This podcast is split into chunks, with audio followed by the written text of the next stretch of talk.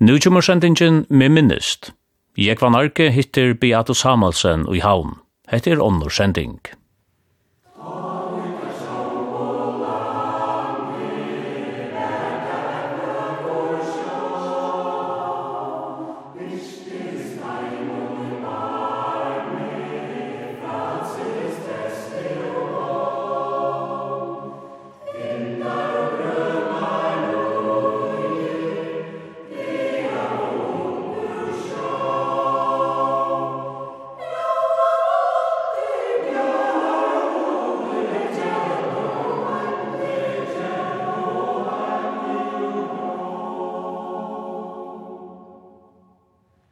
Beata, du byrja i dina skolagångt i nonneskolan.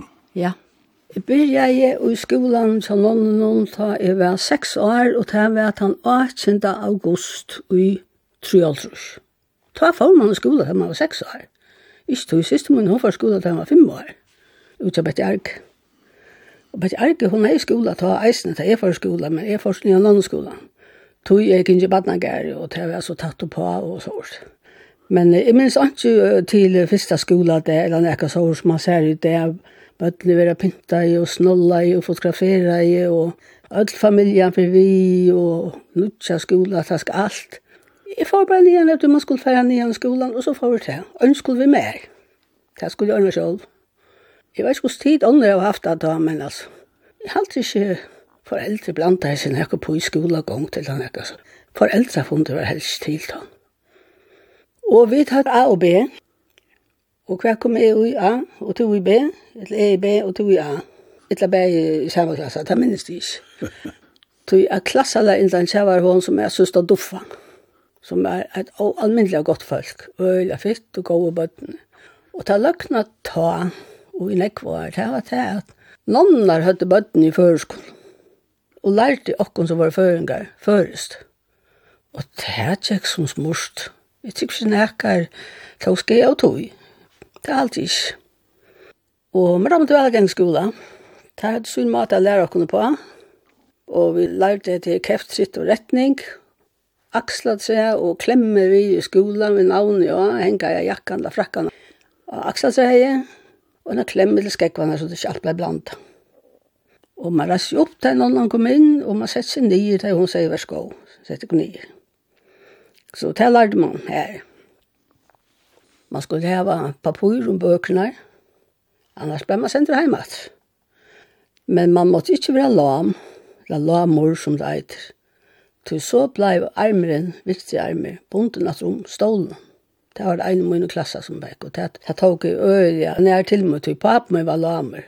Og jeg heter han, jeg klarer så godt jøkken av skolen, vi, vi visste hånd, men man skulle bruke høyre hånd, og det var det greip ikke, og det gjør man så. Man vant seg vidt det.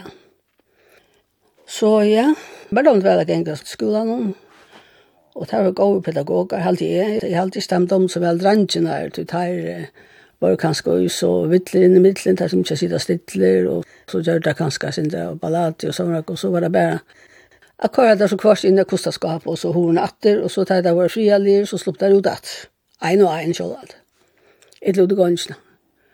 Men uh, så koma vi fram til 1956, ta byrjar skolagongten at hun, hun begynte ut han 18. august, så som jeg minnes det. Så var jeg kommet 5. klasse, og gikk bare i en av gåa vike, halv ære vike.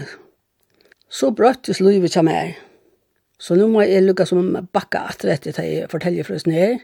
Det var så at jeg var født, og var nærkere vik og kom, ble vi så øyla ringa av eksem, og ta plava jeg med ødbatten og æren, øyla negv. Jeg la eina til tver som æren la hospital, av badnadelten, badnastovene som det heter, og i rimasong, og ta hætta jeg. Jeg klarer stadigvæk ikke til det er det jeg sutja en rimasong, Et la grulvig er i rimon. at det, det klarer jeg slett ikke. Så at det er verre om fem år, og jeg skulle alltid innleggjast, Jeg var nærmest prøve å klode til lakten noen, eller til helseversen noen. Ta ville jeg slippe å være av en av stove som var vaksen noen, ytla av TP, som var det huset som var om av sjålen, lest fra sjålen hospitalsbygningen. Og ta slapp jeg. Her var jeg så et sommer, en måned halvt igjen, og her lå så til bæsla syklinger, og der var øyla gode med, Og jeg minnes nekva er dem tann det, det er Gustaf og Jude, det var bare Gustav Gustaf i det. Onkel og sønnene slapp seg opp. Det var størst værelse vi nekva pasienten ved den ene stovan. Og her minnes det at ein dame av Stronton la. hon kom omkant jo opp, men jeg tjekk av vidtjen og rønja djeven forskjellige ting som jeg helt at hon eh, kunne ha godt av. Jeg vet ikke om hun trodde at etta et eller kvart, men jeg gav henne imens ting. Og og følte meg nærmest som en parst av starsfolkene. Så jeg fikk en kjola, nødvendig kjola, reian, kvitun, støyvann fyrikle, akkurat som sjukplersner, og fikk en kappa av høtte, som sjukplersker høtte ta, til å ha det i det. Og slapp av ganga vilt stågångt, attast, allar attast stågångt. Så jeg var en parster av tøymen, om som man sier. Ta, blei jeg, sprøyta vi en evne, som at, eller som eitir, ACTH, akt. Det kallar vi akt. Det er et hormon, luknande evne, som vi brukt, jeg vet ikke om vi har brukt det enn, men det vi brukt i nekvar i samband med krabbasjuklingar. Og hver man tjuknar ikke, men man, man færne er utsjønt, man blir lukka som, man rundar ut og utan å tenke på, og fer et ett sådant moonface, altså manla ansikt, trill rundt. Det var jag eisen. Men jeg er ikke alls for at jeg var sånn her. altså. Jeg ble, visste bare, jeg hukte meg ikke selv om spekler, det gjør jeg ikke, som jeg bare var enn fem år. Men siste måned, hun begynte å drille meg, vi, så, som jeg sa ut. Det kom selv om det iver, drilla røye. Men det som jeg halde hette gjør det, det var at da fikk jeg astma. Det har jeg ikke haft før til liksom til familien til, så en andre søva. Og til øyla ring. Verre og verre, la ofte sønnskene. Og ta jeg heita ringas, så platte mamma min at uh, teka en litt stål ut av altanene i motorkusen. At han altanen er her enn. Stålen er ikke her, sålande. Og jeg er helt ikke her.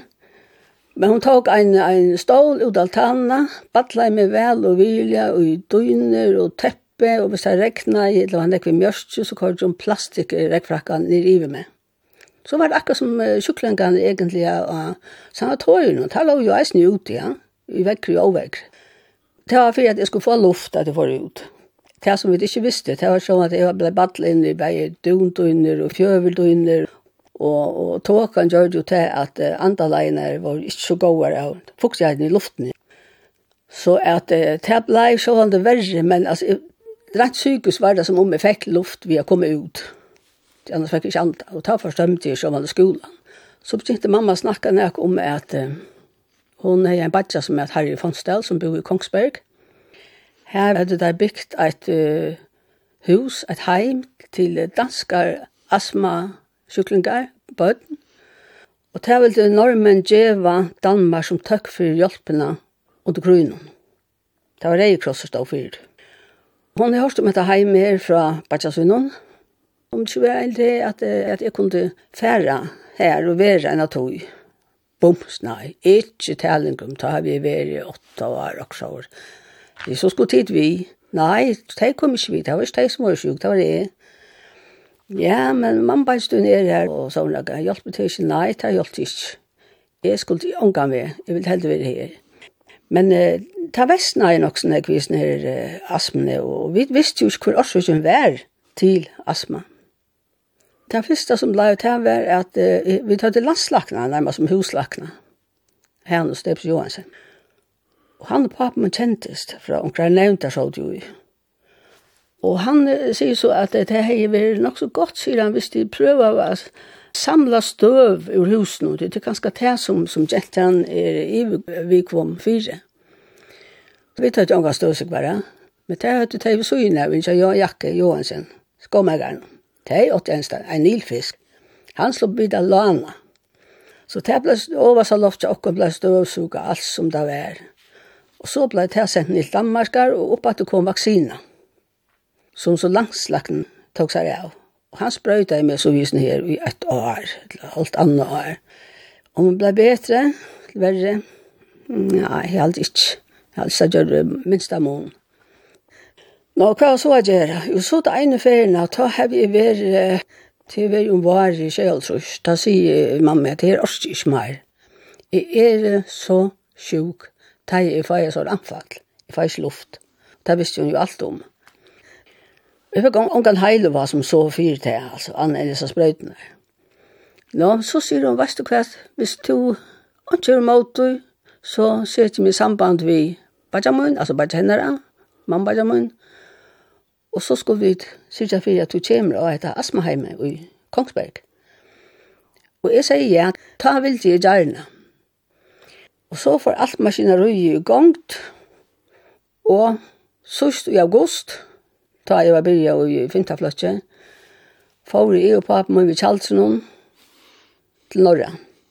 Kjaldre var eh, nok så nødt til å komme ut, tror jeg, tror Og vi var i bøy, bøy av første klasse, og ta lei Kjaldre lei inn i Hetland, i Leivik.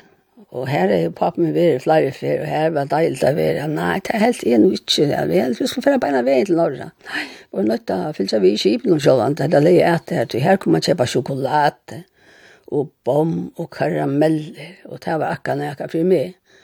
Så vi kom her til i finaste vekkre, og første leien, hun gikk inn i en handel som selte såret. Altså, det var som et paradis av kåbæsåret, slag raffenland.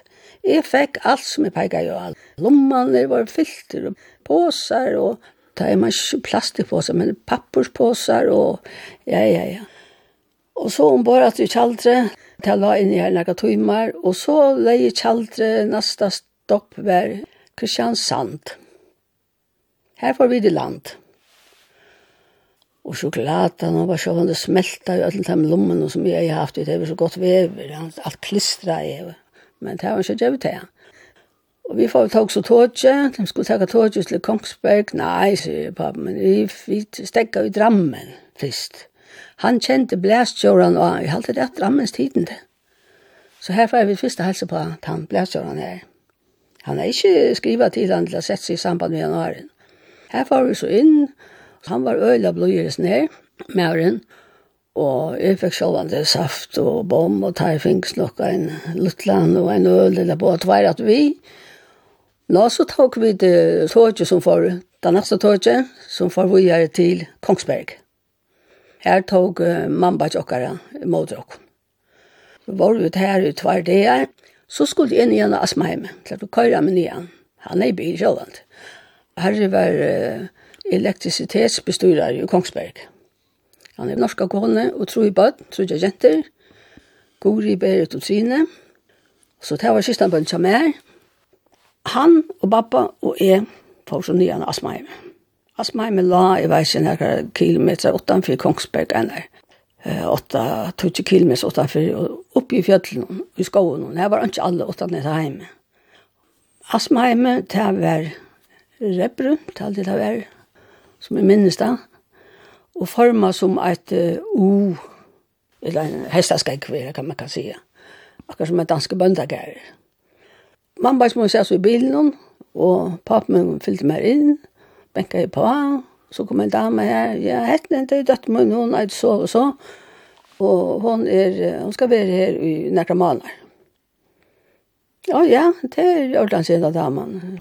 Det var ikke vi at jeg presenterer for starsfølg og la oss rundt, hva her skal fratjen henge, og her er, er oppihaldsstova, og her eter vi, og her er skole, og alt det, og her er en sånn lagna, eller sjukpleiske klinikk hver bøttene koma. Det var ikke vi å bysa rundt. Det var beina lei fra gongene og inn av stående her som vi skulle være. Og så satte vi farvel på appen min ved, en mos, og så får hun natt. Her stod jeg i, i sin her rummen, som kameran, sammen med fem øren jenten. Og i alt noen, ja, jeg var nok ved, nei, jeg var en på noe kjøreisen. Og da Essa var 14. Seks jenter svåe, i avkvarje ærare, trutjar øre menna vi, og trutjar hin menna vi. Jeg svev ut i midtaste til vinstre. Sånn er. Når jeg kom bare inn her som et ja, spørsmålstegn, simpeltegn, sett meg som garstokken, og så visste jeg ikke hva det skulle si. Jeg tog ikke noe særlig dangst. Dette var danska jenter. Og så hukte jeg blant om meg, forlugga og spurte hvordan det er i det, Og da det da, at jeg er av mer ut i rettjene, så tenkte jeg, han den jentan, han den jentan kan ikke være dansk, hun kan ikke være dansk. Hvordan sier jeg å si det, det vet jeg ikke, for natten nå. Men hun var igjen av myrskablå her, så ikke vi så noen små minst hun minst i. Og så sier meg selv at det er minst som sånn måste man bli av. Så jeg spyr henne av førskolen, er du fra fargen? Så sier hun ja. Jeg ble så allmyndelig glad for det. Og det var Petra Jonstøtt Johansen, som siden ble større av Alman og Versnum. Og hon var øyla av astma. Hon er veri av flere som astma heimen eisen i Danmark. Her var eisen reiekrosser hei eisen som det her. Og hon er veri nekva badneheimen hon, og var i Lorvøk. Og hon er vinnig av Patnaheimnon, er i havn. Det var lukka som betre tjo enn å være i havn enn i Lorvuk til høyvast nøy. Det er høyt seg og sånn, og så var det ikke godt for astmasjuklingar. Fann man og det var altså alt annet. Det visste vi ikke ta. Vi visste ikke hvor man ble sjukker, ofte han sjukker som man følte bygd enn en man var i havn. Her kom vi til å være i, ja, lukka til jólai. Fra cirka 1. september, 2012, og til jólai. Vi gikk i skole her. Vi tjattla her når jeg skola stova. Og ikke høp jo, jeg lærte hver seg et eller annet. Og alt som et eisende fikk jeg vite, beina som vi kom, eller som jeg kom, jeg kom en dag at han har hinna, hinna var kommet den fyr. Det var, jeg vet at de avbyrdene, hvor ikke det var okken seks gentene, hadde de avbyrdene av en lutlombaddene som eisende la her. Vi var trusbøtene av stålen. Og dette var det smai var i alt sånn fra ett år opp til fem kanskje, at vi stod.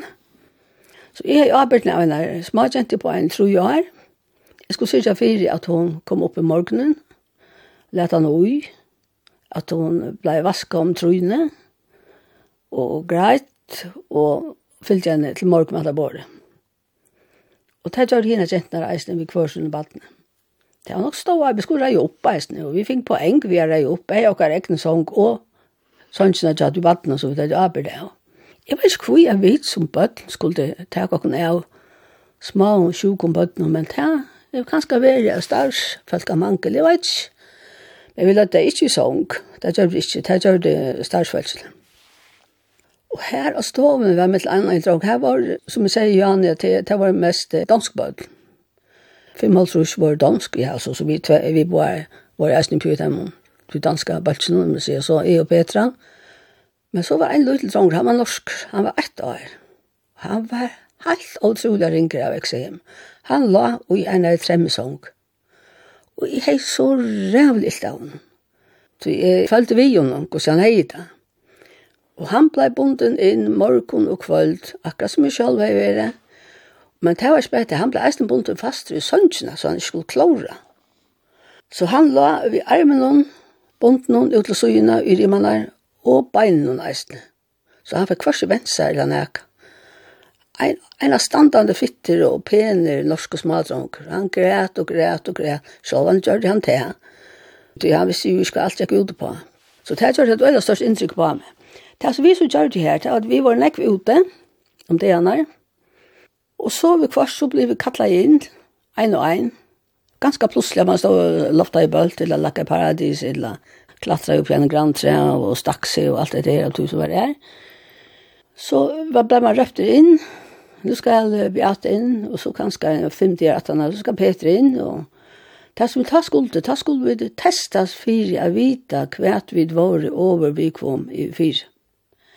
Ta kom vi inn, her var sjukplerska og lakne. Så kom vi inn, ja, pikkel ut i ro.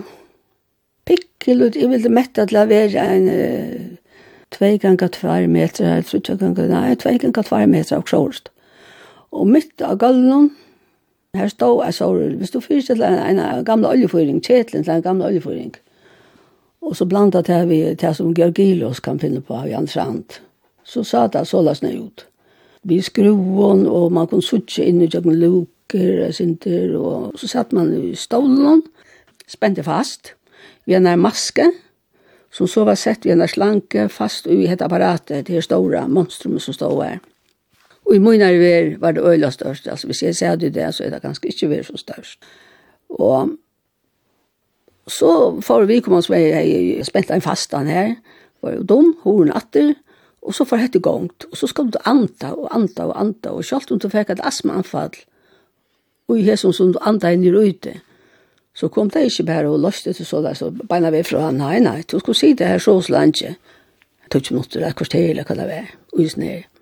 Og det som det gjør det, det var at uisen her apparaten hadde så sett kost i mis ting, for eksempel kjøtt i hår, den ene dagen, hund hår, hund hår, en annen dag, hest hår, en tredje dag, som vi så blir testet i fire, og fjærer og alt det her.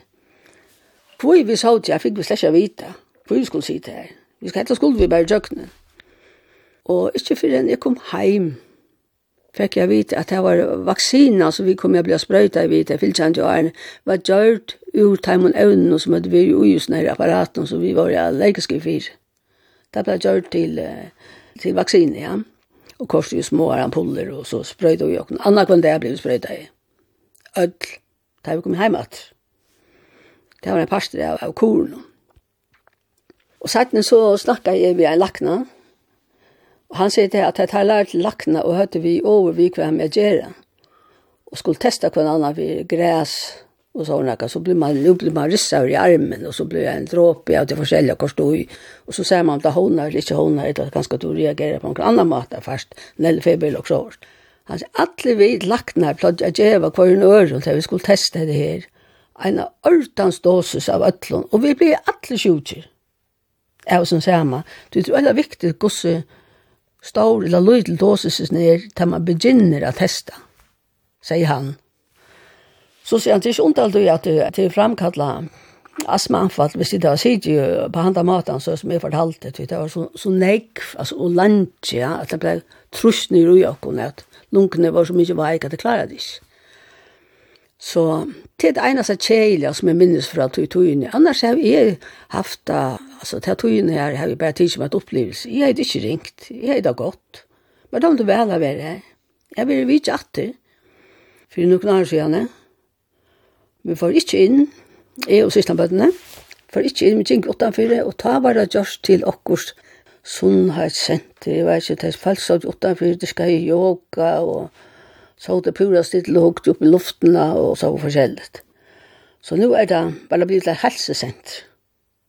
Hvor de så ikke hava til meg, det er nok ikke vi bruk for det, som egen er i gynsjen. Andre preparater er kommet stein fire til ta maten som man brukte ta. Det var fra 1. september til jolær. Så får jeg ikke hjemme jolen, ikke jeg tror Jeg får til mamma til min og halte jol. Siste måned gikk jeg baks ved kostskolen ta, Lisbeth. Hun skulle bli studenter i 8. Så hon får helt ikke heim, så hon kom og halda jól sammen med oss i Norge.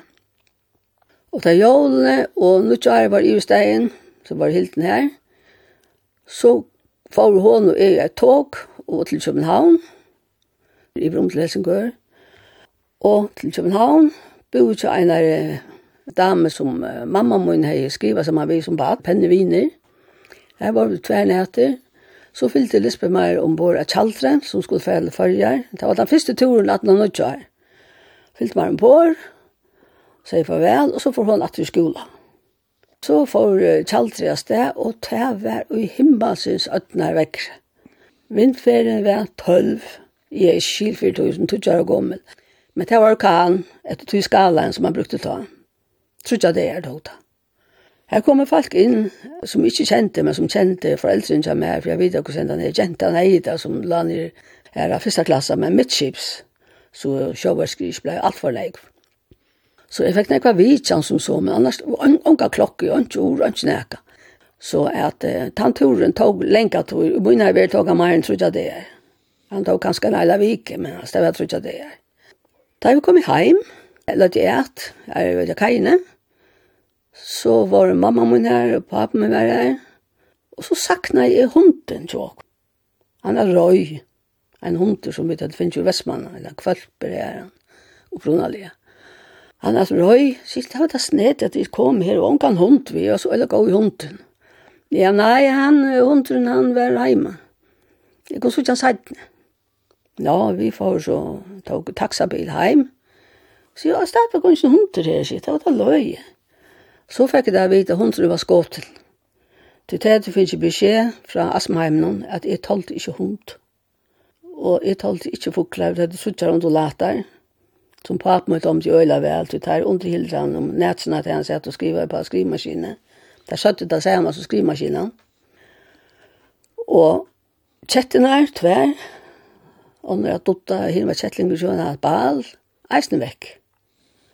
Hadde tvær dunner i gæren om, Hansina og Georgina, eisne vekk. Alt var vekk. Her var rippa for dyr, til jeg måtte bli sjuk. Fjøver Fjöverdøynene i husen var atler erstatta her vi kanaldøynene som var også helt annet var ui som ikke var fjærer og døgn. Det halde jeg var øyla sjokkerende som jeg får vite. Skiljer skvi ikke fikk vite det åren, eller vi som bøten fikk vite. Tid er det, tål ikke hettar og hattar og hitt, Så det kunne råkne vid att det kommer hjem, så er det altså dyrene vekk, eller teppene er helt försvunnen och allt det där försälja. Så man gjør det man er over i kvemmer i fire tingene. Så får jeg til skola i femte flokk. Øtl var det kaffett og blod og alt det her. Men jeg følte på en av veien. Selv om jeg ikke holdt av skolen Norge, at her halte jeg atter ut. Og i ståran stål. Brøk og prosenter, altså det her var en bøyer i Kina. Ikke finnes vi av tog. Og da jeg nå husker at om at så halte jeg med suttja at det som bøtten i hesten alltid noen lærer fra første plass og opp til femte. Det lærer man ølja, særlig i femta klasse lærer man ølja vel, man teker vel mot lærdom i akkurat her. Du, det kjente jeg at jeg mangla i dette halvåret. Det burde jeg ikke ha gjort. Jeg kunne være lykke glede og så bare lasta henne vei, men det er en liten glopp vær her. Så det er sikkert det samme enn, hvis det har var gode lærere, at det er, vi har sånn alt noen, tutsi etter vi er, at man kanskje teker øyla vel mot lærdom, eller lattare vitt da, hvis man altså ikke er årblinter, eller noe sånt. Så er det snart det. Og så er femte flokker lever, og så nå færre, de fleste jo om man er i alskolen, middelskolan til opptelsesprøva først. Og jeg har eisne møvleika. Jeg tenkte, er for åpne her? Nei, det er for ikke. Og ta var i alt skolen at henne glei fra okko, det har bare lukket om veien. At det tog uh, halvt minutt i rom. Nei, jeg var ikke. Jeg var ikke. Jeg gikk her og dumma meg og mangler et halvt år i femteplassen. Nei, jeg var ikke. Så det får jeg ikke. Nei, hva fint får det. Og klarer jeg det alltid. Jeg får oppe satt av flokk, sånn. Hva så skulle det, visste jeg ikke. Men så hendte det at noen der har kjøpt den der bygningen som var ivrig av her, som vekkoståan var, tja huset Andersen, har kjøpt den til ter, atlavo, og gjør det eisen der største av en middelskole her. Hetta var at jeg satte klasse var liver, at jeg tog det første inn. Tvær klasser tog det inn. Og her får jeg, og her får de fleste av jentene som eisen var satte klasse, flotje, kom vi, skolen var i Mihattene, nonna var lærere, Ola Mikkelsen kom forresten eisen hei og hei okken i føreskolen. Og på loftet noen var jentekosteilt. De bei årene som vi gikk her, og de videre at gikk i fyrsta og øremiddelen og skulle opp i triamiddelen, ta finke nonnar, jeg vet at her sluppe ikke at det her var middelskola langer, jeg var sikkert mangla og onker papirer, leitlanda, godkjenninger, onkerslega, Då skulle vi deila de som er hodla fortsetta kunne velge å være om man i middelskolan, ytla preliminærskolan. Og jeg valgte så preliminærskolan. Og her kom vi så genga i tro år, det første året i vi av frutrø, og hver tøyma var av frutrø, og i vi av VBV-eisen, vi gikk i middelen. Og tvei til 17 år halvt vi var i høytøden. Og i minnes det ene ferien at jeg skulle gå vidt om det vi får i annan real i høytøvn, at ågen brottna jeg. Og to og Merta og jeg, for en to nian hitja til ånden, var det ta minkane drukna av, ta halvtje. Jeg stod og hukte her, at her skulle vi gengå i skola her, her oppe. Og ikke nok, og så kom jeg ut i rom. Det var nok så stortla minnes etter å. Men det er ikke, her ble kommet en nutsprik och här köra ju flera hundratusen bilar nu om, om åren nesten. Så her gick jag eisne, tog eksamen herfra, og får så i studenterskolen som eisne var her, Målslinger, tror jeg är. Och så var det til, hva skal man nå? Vi måtte velge akkur hver, hver, hver vi leie nu skulle være. Jeg hei lufta tankan om jeg ble journalist. Jeg la bare arbeida det med det ting be pappa min om at hjelpa meg ved tog. Nei, han var jo nevnt den her. Nei, det er platt ikke så at jeg så folk inn så at jeg bare utan jeg er. Det måtte fyre en nevnta fund. Ja, men så takka en nevnta fund. Nei, det høyde det bare junemanna, og det skulle kundgjeras visst i blæne, en pikkel og slag lysing, at det var nevnta funder, eller eal funder, det høyde bare det av funder om året. Og hvis han mente, så skulle han nok spyrja seg fyr. Hetta var det ene år. Det halde jeg ikke første gang. Neste vei, Og jeg etter, ikke nå. Det er funnet nøy vei, nå. hva sa du deg? Ja, hva ikke vi, ja, om det at jeg kan komme og arbeide, og det må jeg tenke. Nei, det var det at han var, han minns ikke til det, jeg glemte det. Jeg måtte boja mer. Så boja jeg etter. et år etter. Jo, ta kom, jo, jo, men betingelsene var det, at jeg får journalisthøyskola i Aarhus. Jeg har alltid hørt om noen journalisthøyskola. Jeg sa bare, ja, til jeg. Men da skulle man ha arbeidt ett år av en noen blæ, etla, av en noen tøyndastående, eller av en Danmarks Radio, eller, etla her, eisne. Så det var en leiling av utbyggving. Alt som var her kjente til fag. Man kom ikke bare så spaserende inn fra høyre, Det man är bli en student och så kommer man bara fortsätta. Det gör man inte. Att man ska lära handverket som det är och skrifter och hur snäckt det Man måste fylla mer än ena regla och, och hvis det var tvär skulle det fylla helt ut och så snäckt punkt och allt det här. Det var stå allt om jag vann. Och vi bor i skolan. Några av oss. 24, 12 och 12 och 12 och 12 Det är att det var färre Det ble så sagt om jeg kunne komme ned, jo, det var i orden. Landstøy har en avtale ved skolen, at her skulle alltid standa et rum som en føring har rett til å være i. Og det værelse skulle jeg få av skolen. Så her var man øyde heldig, og man fikk løn hjemmefra, 600 kroner om måneden, jeg tok jeg, man var ryker. Og alt oppi halt, alt var betalt, men man var selv halda seg ved mæt og hver er det jeg er utdagslig man er i. Jeg får så nye, og er etter, til jeg vil si, i 8 trus, august 8 trus, og bor til Svea for eldre noen, til meg i festene i København, og får så i Rom. Og i tog ikke alltid en løvende ved Jylland, hver om lei i Aarhus vær, men jeg håper at jeg får si også i høyttalerne, neste stasjoner i Aarhus. Og det gjør det så i Bøland til Myskre, minst. Nå, jeg kom, så har vi en kofferste, som er bygd av foreldre, men man kan si så leis. Anna er ikke med av bojen. Og tog en bil, nye i Vennelust, parsela, her som skolen og kollegiet var. Og her, hvordan det var åpnet, og jeg kom inn, og så stod navnet til meg her, jeg skulle bygge her i hatt, kammer nummer, jeg hadde nummer 12. Og for så opp til trappen der, Og nu sløkna ljóset, det er et av sånne ljósen som bare er tentra i sås landet, så sløkna. Og her stod jeg. Jeg er aldri utfyrt sånn før. Jeg kjente jo ikke til at jeg er. Og i myskre. Men så kom onker andre som, som eisene skulle være av skolan, og så tentra jeg ljós i atter og glæver jeg til, så jeg funnet etter nummer 12. Så fyrir jeg inn, Likland hadde jeg hingen i gønsjene da man kom inn, hva man skulle være. Inn, tentra ljóset, bang, sier det altså ta korslutta i ljós inn i rummet, her som man skulle være, sova og lesa. Men her var en lille forståa. Her var ljós i hjørta, men da jeg kom inn hit var det bank, blått, blått og lilla for var ljós, bank. Og så stod jeg her i myskelen. Jeg visste ikke hva jeg skulle gjøre. Jeg tar ikke være ut av gønnsene, du tar visst, jeg tar fann jo kontakt som kunne være tentra i nærkere minutter, om ikke annars, så kunne jeg orientere meg. Så jeg måtte bare stande her, en av løt som sommer med, Nå, så fikk jeg nøklund av fann og det og vi i ned til ljøse til skeina løsent inn i, i kameret.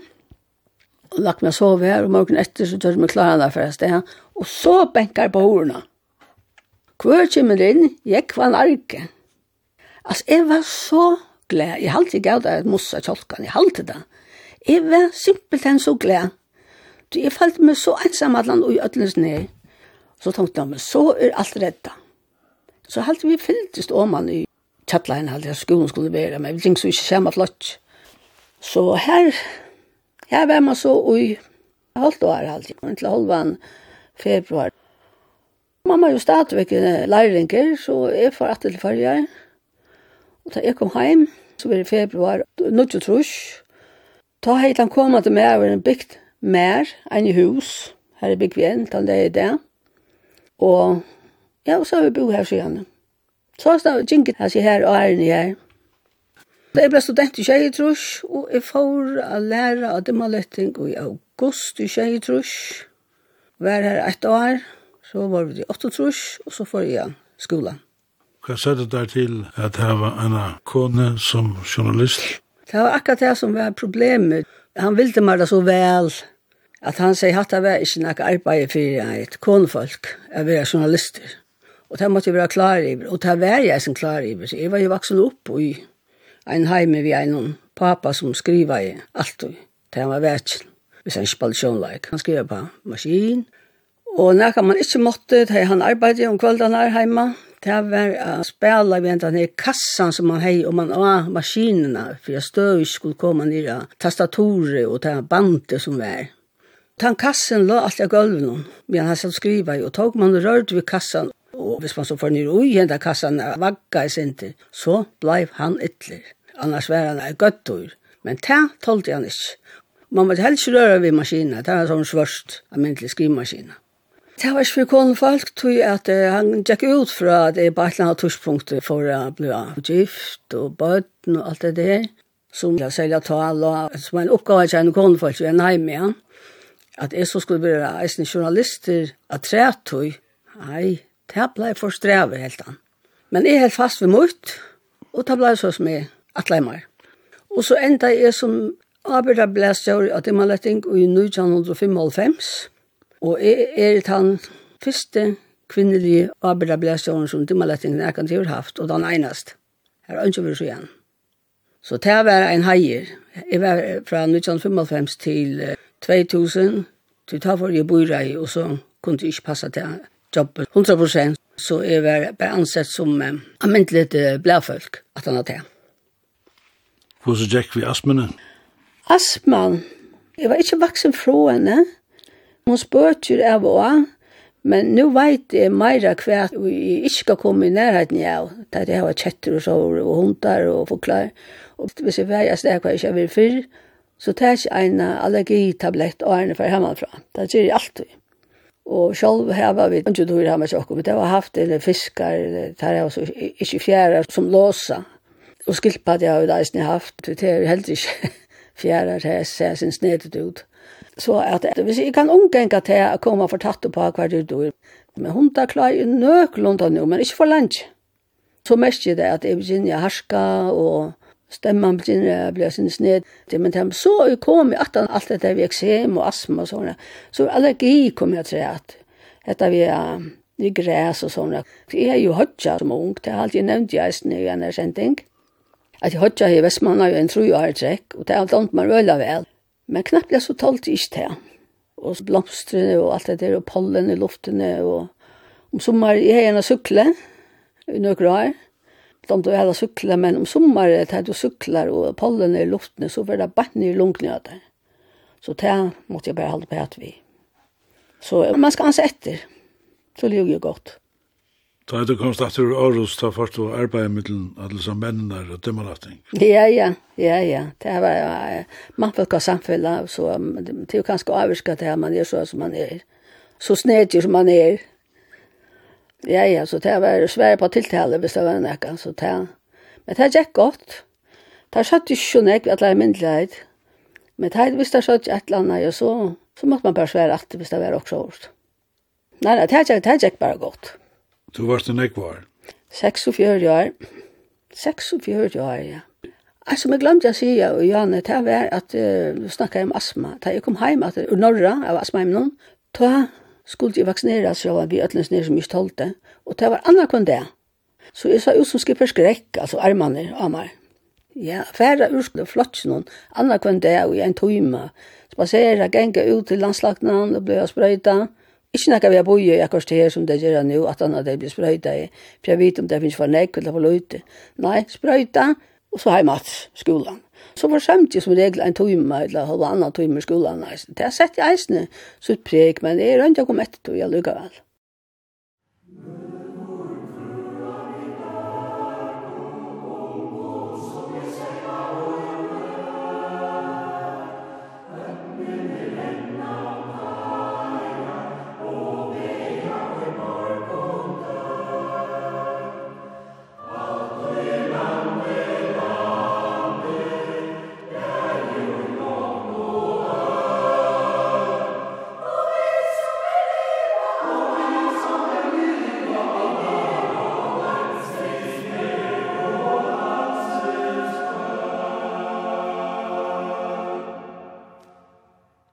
Hatta var sendingen med minnest. Jeg var nærke hitte Beato Samuelsen. Onnur sending.